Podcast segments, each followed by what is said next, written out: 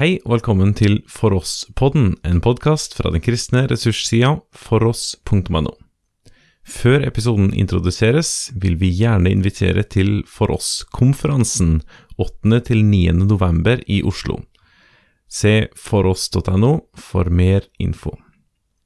Denne episoden er et taleopptak av Ingvald André Kårbø om krigene i GT fra kortkurs arrangert av Fjellheim kurs- og misjonssenter i Tromsø vinteren 2019. Dette er første av to bibeltimer. Og nå skal vi i dag ha ett emne over to timer mot slutten av kortkurs. Både Tor og eh, Vesa og Josef har nå reist, så da var spørsmålet om jeg kunne ha en liten dobbelttime på, på slutten. Så, så da måtte jeg nesten ta det. Men det passet egentlig godt, for nå hadde jeg hatt eh, et emne med Josef om Josvas bok. Et emne som har gått over ganske mange eh, timer, og der det har stoppa opp for en del enkelttekster. Og Så er det et konkret emne som dukker opp når jeg som bibelleser leser Josvas bok. Et emne som har å gjøre med disse krigene som det står om, og brutaliteten i dem. Og Det spørsmålet som da veldig lett kan melde seg, det er hvordan kan en god Gud gjøre noe sånt som dette? Når jeg tror at Gud er god, når jeg tror at Gud er en kjærlig Gud, når jeg tror at Gud er den Gud som elsker verden, sånn at han ga sin sønn Jesus Kristus for å frelse oss, hvordan kan det samtidig være sånn at vi leser i Bibelen om en Gud som befaler krig? Så det har vært et litt annerledes type emne vi nå skal ha for oss i disse to timene. Men vi skal be i lag før vi fortsetter. Far, vi vil få takke deg for at du er den samme Gud i all evighet. At du er den uforanderlige, som ikke lyger, som ikke skifter sinn, men du er den du er, fra evighet og til evighet. Og så ser du at det samtidig, far, er noe av det som kan være vanskelig.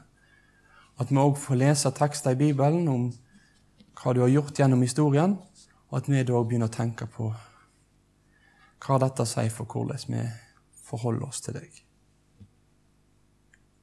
Og Nå ser du de vanskelige tekstene som vi nå i dag skal stoppe opp for. Du ser de krevende emnene vi nå skal gå inn i. Og jeg ber om at du må gi meg visdom til å kunne omtale dette her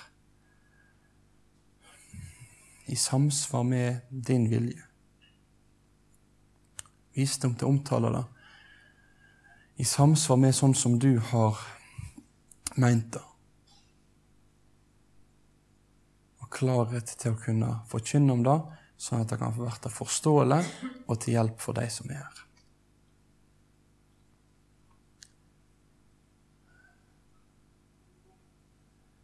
Jeg vil be om din velsignelse nå over denne stunda.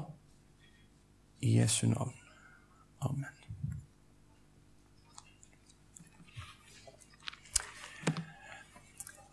Jeg tror vi skal begynne med å lese noen bibeltekster.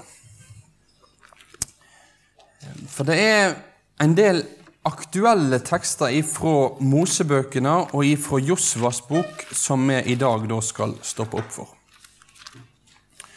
Og Grunnen til at jeg vil vi skal lese disse tekstene, det er at eh, en del av de tekstene som handler om krigene i Gamle Testamentet, det er tekster som iallfall jeg for min egen del jeg har hørt ganske mye om dem opp igjennom. Eh, jeg har hørt om hva som skjer når israelsfolket går inn i Jeriko. Ja, jeg husker faktisk til og med at det var Det, det var vel Jeg tror det var en kamerat av meg som hadde et et dataspill da det var noe om invasjon av Jeriko. Så jeg har på en måte på en eller annen måte hatt dette her med meg i tanken. Jeg har hørt historiene gang etter gang, år etter år. Men så slår jeg opp og så leser tekstene i Bibelen, og så slår det meg hvor utrolig brutal disse tekstene er. Og, og jeg har den overbevisningen at jeg tror at Bibelen er, er Guds ord. Jeg tror at det som står i Bibelen, er sant. Jeg tror at det som står i denne boka, her er faktisk noe jeg må forholde meg til. Og Da må jeg også forholde meg til de krevende tekstene. Så nå skal vi begynne med å lese den aller første teksten, som er den loven i Moseloven som regulerer dette her. Femte Mosebok det er jo da eh, Moses sine taler før han dør til israelsfolket. Der han sier noe om det livet de nå skal komme til å leve når de går inn i landet, over Jordanelva og inn i det Kananslandet som Gud har lova dem. Og Kapittel 20 er egentlig et langt kapittel som i min bibel har overskriften 'Lover om krig'. Det høres jo kanskje litt spesielt ut for oss, men Bibelen har et helt kapittel om krigslover for israelsfolket. Så står det først ganske mye tidligere i kapittelet om hvordan en skal gå fram når en går til krig mot ulike byer. Hvis de vil slutte fred, ja, så skal en respektere det. Eh, så skal gå fram på den ene og andre måten. Men så står det når du kommer til vers 15 av og utover Såleis skal du fare fram i alle byene som ligger langt borte fra deg, og ikke hører folkeslaget hertil. Det var da det som sto i det foregående. Men så Men i de byene som hører disse folka til Så disse folka det er de som bor i Kanonslandet. De som bor i Jeriko, de som bor i Ai, de som bor i de ulike byene som vi leser om at israelsfolket kommer til i Josvas bok. I de byene som hører disse folka til, og som Herren din Gud gjev deg til eiendom, der skal du ikke spare en eneste levende skapning. Du skal slå deg alle med bann og utrydde deg, både hetittene, amorittene, kanonerene, perisittene, hevittene og jebusittene, slik Herren din Gud har både deg. Ellers kunne de lære dykk å ta etter alt det avskyelige de sjølve har gjort for gudene sine, slik at det synder mot Herren dykker Gud. Det siste verset skal vi komme tilbake til senere. Men merk hvordan her er det en lov som blir gitt, der Gud befaler at de skal ikke spare en eneste levende skapning i disse byene som nå kommer til. Ingenting skal bli spart. Så slår vi opp i Josvas bok, og så leser vi Josva kapittel 6.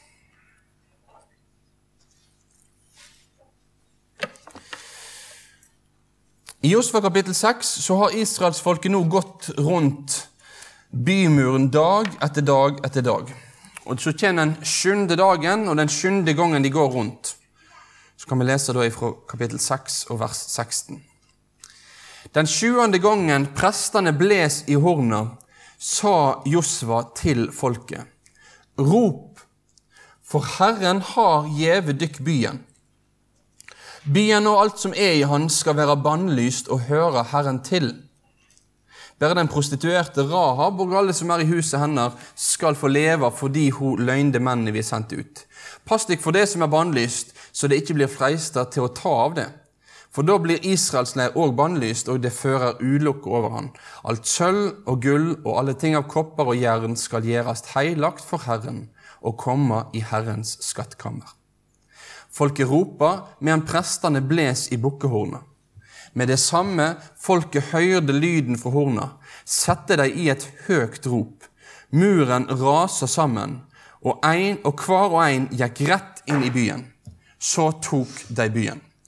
Og der stoppa søndagsskolefortellingen min. De tok byen. Men så kommer verset etterpå. Alt som var i byen, både menn og kvinner, unge og gamle, storfe og småfe og esel slo dem med bånd og hogg ned med sverd. Dette står i Bibelen. Dette er en del av de tekstene som, som forklarer hvordan israelsfolket fikk innta landet. En voldsom brutalitet. Om vi kunne lest videre i kapittel 8 og vers 24-29. Om hvordan de brenner Ai, hvordan de henger kongen der oppe på en trepåle. Hvordan menn og kvinner alle sammen blir utsletta. Vi kan lese kapittel 10 om det samme i Josvas bok. Og vi kan lese om det samme òg i kapittel 11.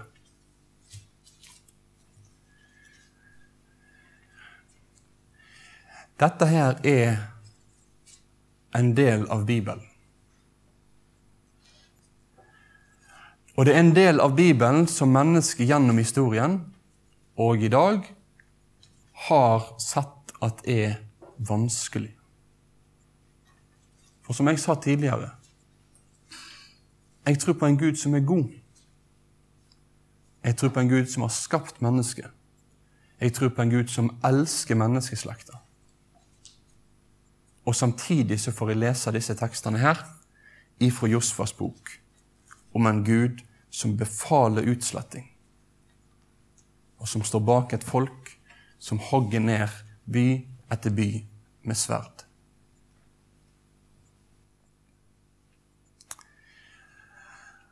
Og dette her, det er noe som i seinere tid har blitt et veldig populært angrepspunkt mot den kristne trua.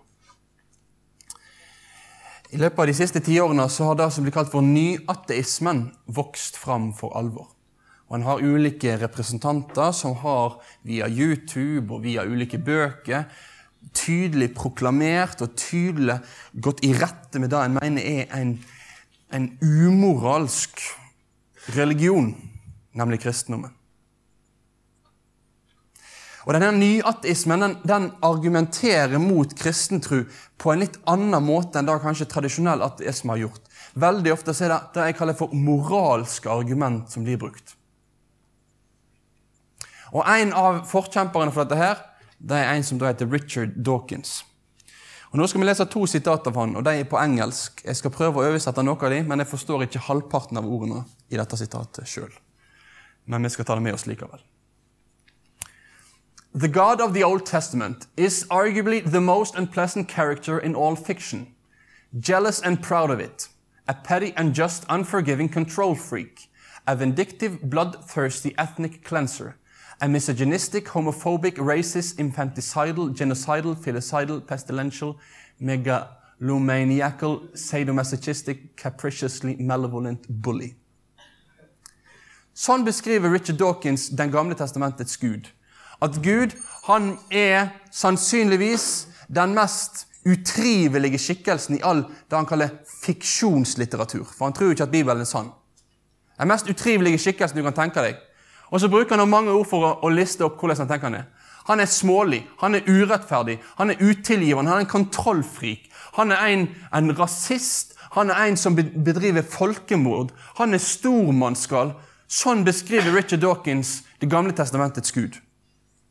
Og En av de viktige grunnene til at han gjør det, en av de tekstene han går til, det er til Josfas bok.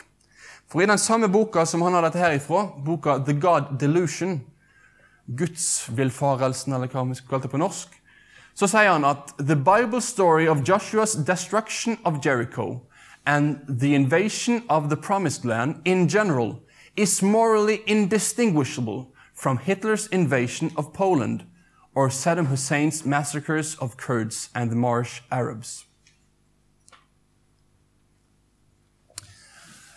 Det han sier her, er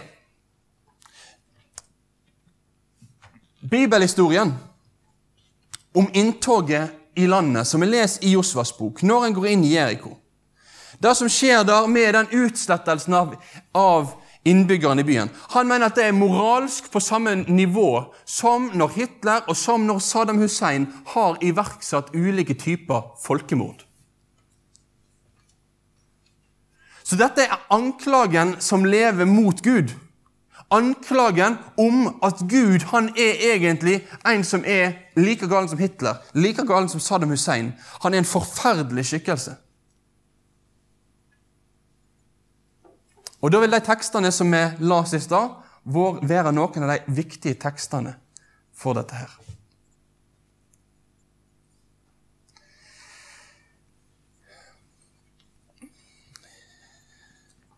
Richard Dawkins sin tilnærming til Gud. Jeg skal ikke si alt om den, men, men en av de tingene jeg sitter igjen med når jeg har hørt litt av han og lest litt av han, det er tanken at jeg liker ikke Gud. Derfor eksisterer han ikke.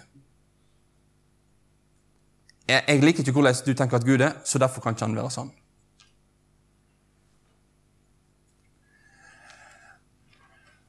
Så problemet med Bibelens Gud gjør at han skyver Bibelens Gud vekk. Så vil jeg også si at han veldig kraftig forvrenger og forvrir hvordan Bibelens Gud er. Og Da skal vi komme innom etterpå at jeg mener at han sier feil når han sier at den Gud vi møter i disse historiene, er sånn som han beskriver det. Men Richard Dawkins han er en tydelig uttalt ateist. Til venstre her så har jeg bilde av ei bok av en annen mann som òg strever med disse tekstene. Det er en mann som heter Christopher Wright.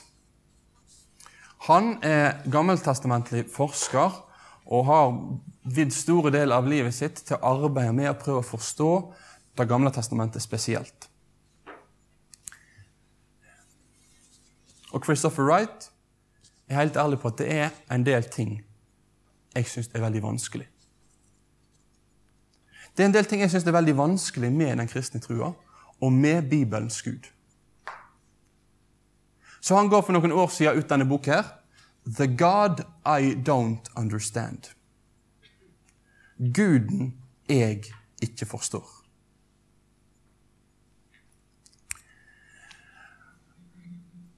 Når du ser på framsida på denne boka her,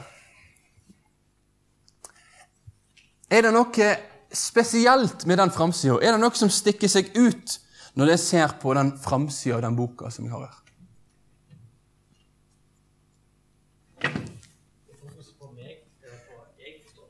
Ja, det er fokus på meg og jeg forstår ikke. Helt rett. Og så er det noe spesielt med den I der. Det er en liten i. Og i engelsk grammatikk så skal du alltid ha stor i når du skriver 'jeg'. Men så er det noe som står med store bokstaver rett over. Hva er det? Det er Gud. Christopher Wright kjemper med disse spørsmålene. Han er ærlig på at han syns at disse spørsmålene er vanskelige. Men bare den framsida på boka viser at han har en helt annen tilnærming enn det Richard Dawkins har i disse spørsmålene. Han sier 'Jeg forstår deg ikke, Gud, men du er Gud'. Det er jeg som er liten. Det, det, er jeg som ikke helt makter å forstå dette. her. Det er jeg som ikke helt klarer å skjønne hvorfor er det sånn at Gud handler på den eller den måten. Gud er Gud. Og jeg er liten. Og Det er egentlig det som også har vært min tilnærming i møte med disse tekstene. her. Jeg syns det er krevende tekster. Jeg syns det er utfordrende å jobbe med dem. Jeg syns det er utfordrende å forholde seg til dem. Men jeg vil prøve å forstå dem bedre. Jeg vil prøve å gå til Bibelen og lete i Bibelen for å se hva kan denne boka, der Gud viser seg, lære meg om hvordan jeg kan forholde meg til tekstene. For en av de grunnleggende overbevisningene jeg har i min kristentro, det er at Gud er Gud. Og jeg er ikke Gud. Petter Dass han sa det i Herre Gud, ditt dyre navn og ære. Gud er Gud, om alle land lå øde. Gud er Gud, om alle mann var døde. Det er kanskje noe av den mest sånn presise beskrivelsen vi har på norsk, noe om hvordan det er Gud som er Gud.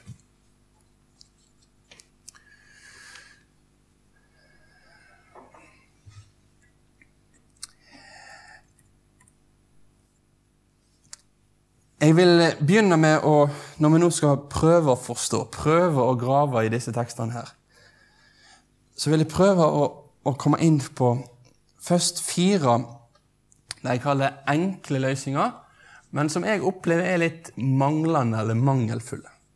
Og så Etterpå så skal jeg prøve å gi fire nøkler, som i alle fall for meg låser opp noe av disse tekstene, sånn at jeg kan forstå mer av de og forholde meg mer til de. Men jeg skal begynne med de, de litt sånn enkle løsningene. Den første er at ok, dette her er et problem i Gammeltestamentet, men i Nytestamentet så ordner bildet seg. Og Et stykke på vei så er det, er det sant. Vi skal komme til dette på at det er en forskjell mellom GT og NT. med at Nytestamentet veldig tydelig tar avstand fra all form for krigføring i Guds navn. Men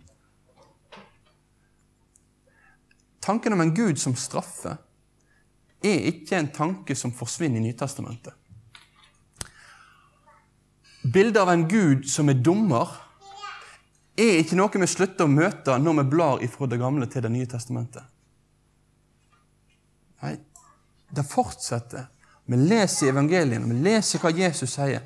Vi leser om alt det han sier om, om helvete. Det er han som bruker det ordet flest ganger i Bibelen. Og alt det Paulus og de andre apostlene òg vitner om når det gjelder Guds tosidige dom. Det er ikke sånn at Gud i Gamletestamentet var slem, og Gud i Nytestamentet er blitt snill. Det er ikke sånn at Gud i Gamletestamentet har med en grusom skikkelse, eller kanskje en litt sånn tvilsom skikkelse. Men så kommer Jesus, og så ordner han opp i alt. Den kristne kirke har gjennom hele historien bekjent med den atanasianske trosbekjennelsen som en av de tre oldkirkelige bekjennelsene. Så det er på bibelskolen de, de har dette her inne med de oldkirkelige bekjennelsene. Men da, da sier han i den oldkirkelige bekjennelsen slik som Faderen er, slik er også Sønnen, slik er også Den hellige ånd. Med andre ord, det er ikke sånn at Faderen har noen egenskaper. Han er streng. Sønnen har andre egenskaper. Han er snill. Og Ånden har noen andre egenskaper han er svevende. Nei, sånn som Faderen er, sånn er Sønnen, sånn er òg Den hellige ånd. De er ett vesen, de ulike personer, som har derfor òg ulike funksjoner i Guds frelsesplan for menneskene. Men deres vesen er likt. Og Gud er den samme i sin kjerne i Gamle og Nytestamentet. Det er den ene. Den neste er at at, at han sier at ok, ja, vi leser i Josvas bok om at israelittene går inn i byen. De går inn i Jeriko, og de eh, tar livet av folk der. Men, eh, men, de må ha misforstått. De må ha misforstått. De har tenkt at det var Guds vilje, men egentlig så er ikke det det. Problemet med akkurat dette her, det er at bibelteksten veldig tydelig legger opp til at dette ikke er en misforståelse av israelsfolket. Gud befaler det først med en lov. Han sier det veldig tydelig i starten at det skal gå inn og det skal gjøre dette. Det skal slå dem med bånd. Og så, så, ser vi at når de gjør dette her, så blir de ikke straffa av Gud for det. Tvert imot så kan vi se at det er et mønster at når det ikke går fram på denne måten, her, så har det store negative konsekvenser. Som vi leser om i dommerboken, f.eks. Så, så ut ifra bibelhistorien så, så kan ikke jeg heller kjøpe den forklaringen. Den tredje varianten er kanskje ikke så vanlig, men det er at den bortforklarer at dette her er historiske hendelser. Så, ja, dette her er sikkert bare sånne gamle historier um, som ikke kanskje har skjedd, men det er når eh, David og Salomo og profetene senere skulle igjen fortelle hva som skjedde i gamle dager, hvordan israelsfolket hadde fått dette landet her, ja, så måtte de ha en litt sånn spenstig historie. Så da forteller vi historien om hva som skjer ved inntoget i Jeriko. Men Bibelen legger også veldig tydelig opp til at her er det snakk om konkrete byer. Det er snakk om konkrete tidsperioder. Det er ingenting som tyder på at dette her ikke skal gi seg ut for å være historiske hendelser. Og Så er den siste løsningen. Og det er den desidert vanligste løsningen. Det er å bare bla litt raskt forbi. Oi! Litt voldsomt. Videre. Blir ferdig med Josvas bok nå. Å nei, det var dommerbok òg. Vi må komme forbi den òg. Og første andre Samuel og kongebøkene. Vi begynner på Nytestamentet. Ja. Litt karikert, men, men, jeg tror vi må kunne si at i stor grad så er det noe det som veldig ofte skjer. At, at Guds folk i møte med tekster som kan oppleves litt vanskelige, så i stedet for å ta tekstene på alvor og prøve å forstå dem, så er det lettere å bare overse dem. Men Det er også litt av grunnen til at vi ønsker å ha dette emnet på kortkurs. Fordi vi ønsker ikke å overse Bibelen. Vi ønsker å ta Bibelen på alvor. Og En av de anklagene som jeg av og til har hørt fra personer som ikke bekjenner kristen tro til meg, det er at de sier Hvorfor tar du de tekstene på alvor, men ikke de tekstene? Du påstår at du tar Bibelen på alvor, men hvorfor bryr du deg om de tekstene, ikke de tekstene? Og hvis det er sånn at jeg da overser f.eks. disse tekstene her om krigene i Gamle testamentet, så må jeg jo gi de rett i det. Ja, det er noen tekster jeg ikke forholder meg til. Men jeg ønsker å ta hele Bibelen på alvor. Alle tekstene. Og de som er krevende. Og de som jeg kanskje ikke finner et kjempetydelig svar ned i hver minste detalj om.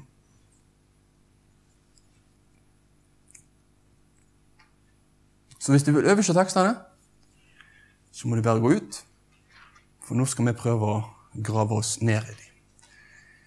Og prøve å finne mer ut av hva disse tekstene kan handle om. Og Da beskriver jeg det som fire nøkler.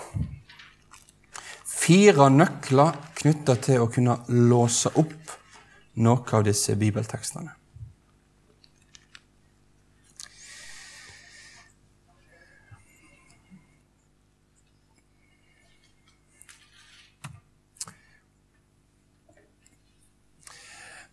Den første nøkkelen handler om det jeg kaller Guds framskridende åpenbaring. Guds framskridende åpenbaring. Bibelen er, sånn som jeg forstår det, Guds åpenbaring. Det vil si at Gud viser seg i Bibelen. Gud viser seg på et generelt vis i naturen det vil si at en ut ifra naturen kan trekke slutningen at ja, det må være en Gud som er til. Kanskje fra samvittigheten så kan vi si at jeg kan ha en viss forståelse av hva som er rett og galt. Men når det gjelder å forstå hvordan Gud er, hvordan Han er i sitt vesen, så må jeg gå til Bibelen for å finne ut av det. Det er Bibelen som åpner opp den døra og sier noe om at sånn er Gud. Og så er det vanlig at vi, vi beskriver Guds åpenbaring når Gud viser seg som en framskridende åpenbaring. Og Det begynner med første Mosebok kapittel 1 og vers 1. I begynnelsen skapte Gud himmelen og jorda. Hva kan jeg avlede om hvordan Gud er ut ifra det? Jeg kan si han er skaperen. Han er i begynnelsen. Og jeg kan, i hvert fall sånn som Når Paulus eh, legger det ut i Nytestamentet, og sier ganske mye om at her er det en som skaper ved sitt ord. Men, men jeg kan kanskje ikke si så veldig mye om Er han hellig? Er han rettferdig? Kan jeg si så mye om Er han en Gud som vil frelse? Egentlig veldig lite. Men gjennom Bibelen Tenk oss en tidslinje bortover her så er det sånn at gjennom Bibelen så lærer vi mer og mer om Gud. Gjennom Bibelen åpenbarer Gud seg mer og mer. Og så kommer vi til Hebreabrevet, kapittel 1, og vers 1-3. Da kan vi slå opp og lese.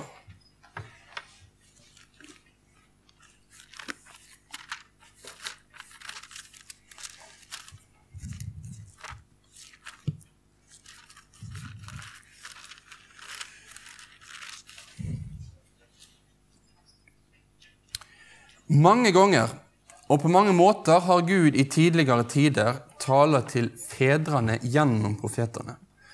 Men nå, i disse siste dager, har han talt til oss gjennom Sønnen. Mange ganger har han talt, på mange måter har han talt, gjennom profetene, Gamle testamentet, men nå har han talt til oss gjennom Sønnen. Nytestamentet sitt poeng ser ut til å være da at at det er Jesus som da er høydepunktet i Guds åpenbaring. At det er da vi får se Guds fylde fullt uttrykt i møte med hans liv og i møte med sånn som apostlene skildrer han. Derfor så tenker vi at ja, Gud er den Gud som åpenbarer seg både i Gamle og Nytestamentet. Men vi ønsker å forstå Det gamle testamentet i lys av Det nye testamentet.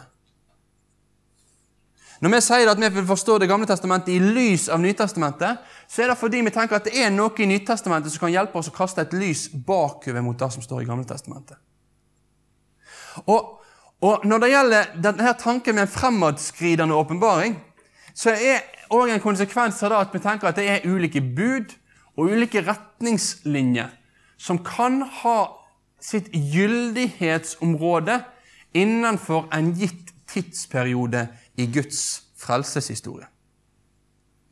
La meg forklare. Du kan ha en leiekontrakt på en leilighet som sier at du skal betale 10 000 kroner for denne leiligheten her de neste fem årene. Så går det fem år,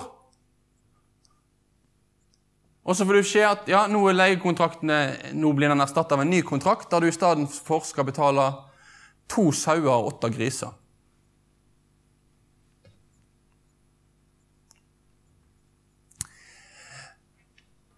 Det er en ny avtale. Den gamle avtalen var gjeldende, den var gyldig, og den kan ha vært god. Men den har nå blitt erstatta av en ny. Og Da blir spørsmålet den gamle avtalen var den feil. Nei, det var den ikke. Men den gjaldt for ei viss tid. Og veldig mange av de lovene og spørsmålene om lover i Gamle Testamentet som, som, jeg som kristen kan få Hva tenker du om den loven, da? Hva tenker du om den loven da? Hvorfor gjør ikke du sånn, da? Hvorfor gjør ikke sånn da? Hvorfor bryr du deg ikke om soppen på huset ditt og sørger for at den blir håndtert på den eller den måten? Eller hvorfor kler du deg i de og de typene tøy og blander tøystoff som du ikke kan gjøre? Og så vil jeg si ja, dette her er gode ordninger Gud har innsatt, som skulle få gjelde for en viss tid. Nytestamentet bekrefter og viderefører mange av lovene i Moseloven, men så sier de òg om en del av dem, f.eks. litt senere i Hebreabrevet, at, at det var ordninger som gjaldt til den tid når alt skulle bli satt i sin rette stand.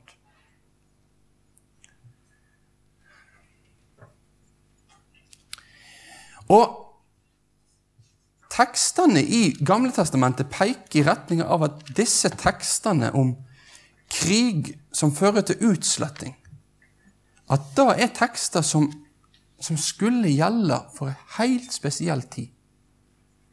De handler om akkurat inntoget i landet. Det blir sagt andre ting til israelsfolk om kriger ellers. Det blir sagt noe annet til dem om hvordan de skal gå fram når de møter babylonere og syrere. Men det er helt konkret tidsperiode dette her er snakk om. Og Det er viktig at vi har med oss. Disse tekstene her i Josvas bok kan derfor ikke brukes for å forsvare at ok, hvis du tar Bibelen på alvor, så må du tenke at det som skjedde i Jeriko, er noe som kristne kan gjøre i Tromsø i dag. Kanskje noen vil pushe meg så hardt sånn, og si ok, men hvis du tror at dette er sant, hvis du tror at dette er sant, Ingvald, hvorfor skal ikke det da skje på akkurat samme måte i dag? At Guds folk skulle gå og gjøre det samme? Nei, det vil si, fordi dette her var lover som var gitt for en konkret tidsperiode. En liten tid i historien. Så vil jeg for det andre si at Nytestamentet er veldig tydelig på at i Guds rike, det riket som er Jesus sitt rike, der han er konge, da er det ikke et rike som skal bli, gå fram ved hjelp av sverd. Det er ikke et rike som skal gå fram ved hjelp av makt. Men Paulus skriver i 2. Korinterbrev om at våre stridsvåpen er ikke jordiske stridsvåpen, men vi kjemper med å ta alle tanker til fange under lydigheten mot Kristus idet vi river ned tankebygninger osv. Så, videre. så så Nytestamentet er veldig tydelig på at kristne er ikke kalla til å krige i Guds navn. Ja, myndighetene kan i visse tilfeller med rette gå i krig. Og Det er en helt annen sak som vi ikke skal ta nå. Men det er, det er sånn at Romerbrevet bl.a. beskriver hvordan myndighetene blitt gitt et sverd for å begrense urettferdighet. Men det er aldri Guds menighets oppgave. Det er aldri den kristne kirkes oppgave at vi skal gå i krigen. Og Derfor vil jeg være veldig tydelig på at sånn som korstogene og en del av de tingene som har skjedd i historien, er veldig problematisk. Fordi det går rett imot Jesu egne befalinger om hvordan hans rike skal gå fram.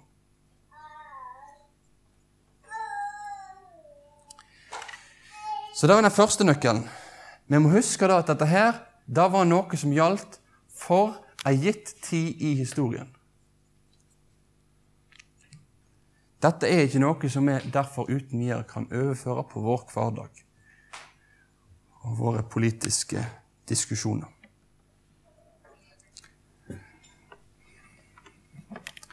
Det er greit. Ok, det gjaldt for en viss periode. Men spørsmålet er da fortsatt Men ok. Det gjaldt jo for en periode. Det vil si at hvis, hvis du tror Ingvold, at dette her gjaldt for en periode, du tror at Gud er en god Gud, så, så må du jo på en eller annen måte tro at dette her var Guds vilje i den tida. At den Gud som du sa at alltid er den samme, at han var med og sto bak disse konkrete inngrepene i historien. Så hvordan Ingvald, kan du forstå det og forklare det? Men Da skal vi gå videre til de tre neste nøklene. Da tar vi nøkkel nummer to nå, og så blir det de to siste etter lunsj. Vi kan begynne med å slå opp i andre Mosebok, kapittel 34, og vers 7.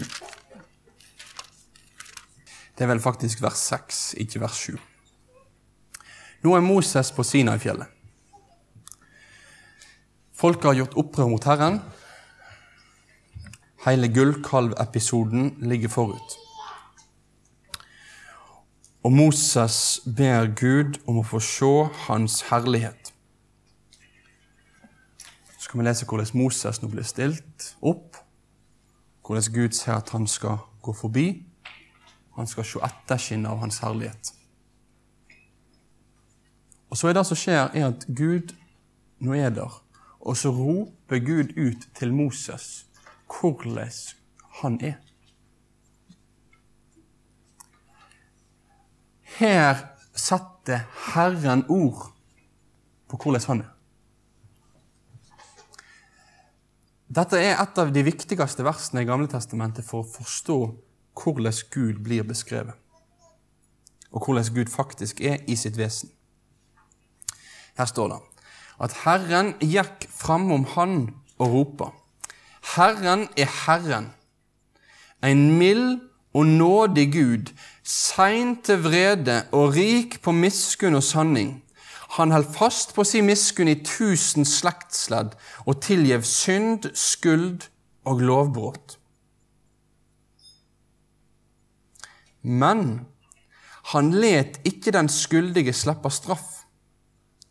For synda til fedrene straffer han barn og barnebarn og tredje og fjerde slektsledde.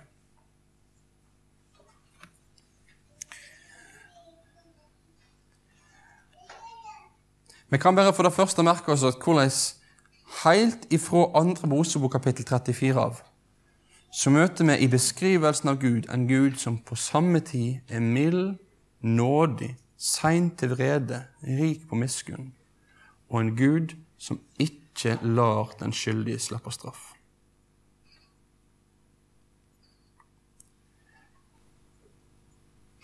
En beskrivelse av Gud som er Han som vil frelse. En beskrivelse av Gud som Han som vil forbarme seg og samtidig han som holder ansvarlig de som står han imot. Sånn blir Gud skildra gjennom hele Bibelen.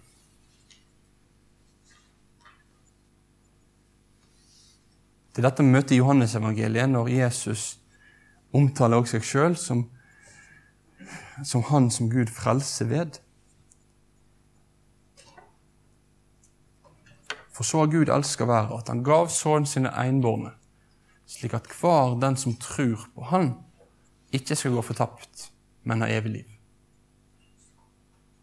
Gud er den Gud som vil frelse, og samtidig så er det også sånn at det ligger under overflata i en sånn tekst at det å ikke ville ha med Gud å gjøre, det har òg konsekvenser. Men vi skal komme litt tilbake til det med konsekvensene med å fornekte Gud etter pausen. Det jeg ville vi skulle merke oss nå, det var sånn som Gud begynner med å beskrive seg sjøl.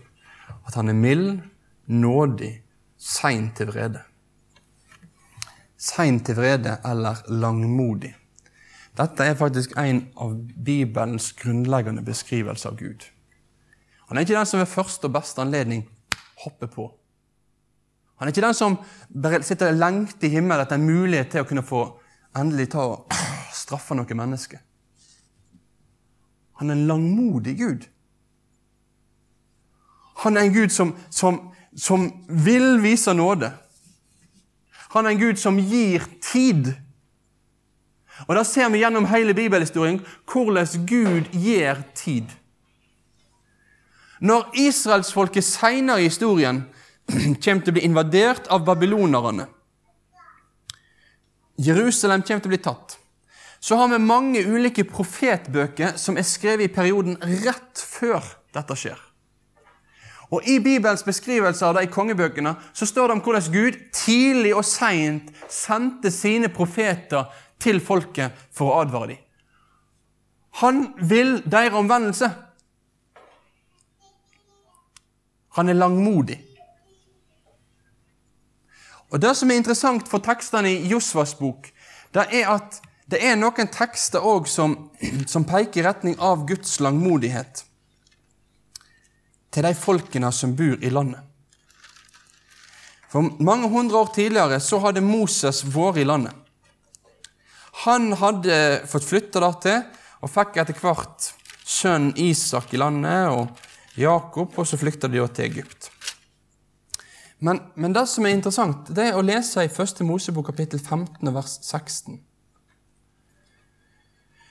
Da står jeg fra vers 13 av, og Gud sa til Abraham, dette skal du vite, etter de skal bo som innflyttere i et land som ikke er deres. De skal være slaver og bli plaga av folket der i 400 år. Men det folket de var slaver for, vil jeg òg dømme, og siden skal de dra ut med stort bytte. Sjølv skal du gå til fedrene dine i fred, i høg alder skal du bli gravlagt. I det fjerde slektsleddet skal de komme tilbake hit.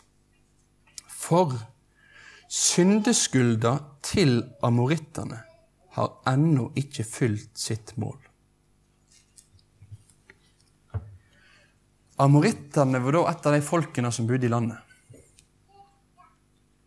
Abraham får beskjeden dette landet skal bli ditt. Men Abraham, syndeskylda til amorittene er ikke fylt ennå. Det ser på en eller annen måte ut som at her er det en, en forståelse av et slags beger som blir fullere og fullere. Og til slutt så renner det over. Og da kommer Guds dom. Det gikk 400 år ifra Abraham fikk høre disse ordene, her, til amorittene ble holdt ansvarlig. 400 år. Gud er en langmodig Gud. Vi skal fortsette med det etter pausen. Jeg skal si litt mer om Guds langmodighet før vi fortsetter med de to siste nøklene. Du har nå hørt den første av to bibeltimer om krigene i GT av Ingvald André Kårbø. Finn flere ressurser, og vær gjerne med å støtte oss på foross.no.